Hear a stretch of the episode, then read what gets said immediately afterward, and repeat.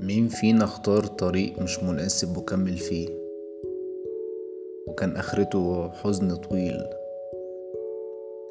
عشان كده الأوقات المظلمة هي أكتر وقت تقدر تشوف فيه نفسك. وتبدأ كمان تقيم كل اللي حواليك بوضوح. النهاردة في بودكاست خاطرة عداد العمر مش بالسنين. مقتبس من كتاب التعافي عن صاحبته ندى موسى.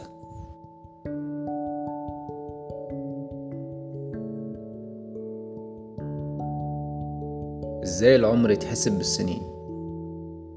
يعني لو أنا وأنت عشرين نبقى متساويين؟ أكيد لأ. العمر بيتحسب بالطرق اللي مشيناها. مشيت كام طريق وطلع سد. مشيت كام طريق وجبت آخره من غير ما تزهق. وكام طريق جيت في نصه ولفيت وقلت كفاية. العمر بيتحسب بصبرك على اللي ما تعرفوش وما شفتهوش. وبالمرات اللي صبرت فيها لحد ما عرفت الحقيقة الكاملة.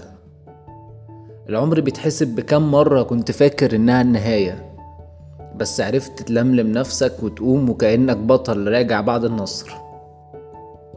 بيتحسب بالخدوش اللي علمت في روحك بيتحسب بالناس اللي راحوا والناس اللي فضلوا وبالوقت اللي اتعلمت فيه تفرق بينهم. بيتحسب بالكلام اللي قلته.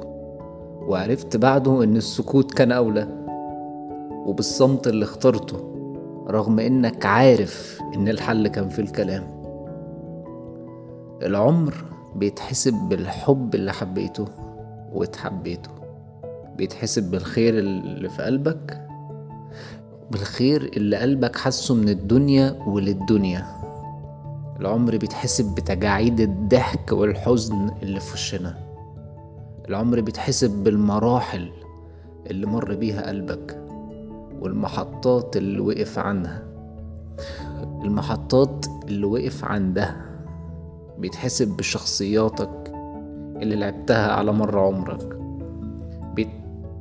بيتحسب بيتحسب بالإيدين اللي اتشعلقت فيك وسبتها. واللي لسه مثبت فيها.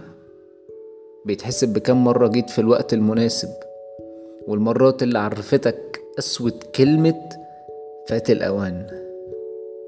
العمر مش هو عدد السنين العمر هو إيه اللي حصل واللي ما حصلش خلال السنين.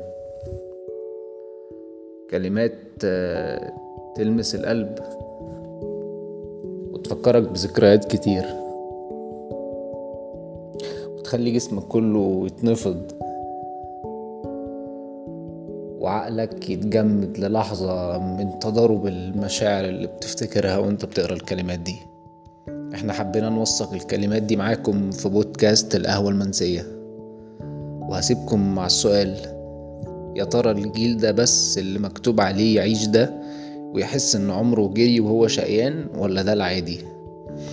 ابعتولنا رأيكم. كان معاكم عز الغريب وإهداء خاص في نهاية الحلقة لكل الأمهات العظيمة اللي وقفت جنبنا في كل خطواتنا الصعبة. ونشوفكم الحلقة الجاية.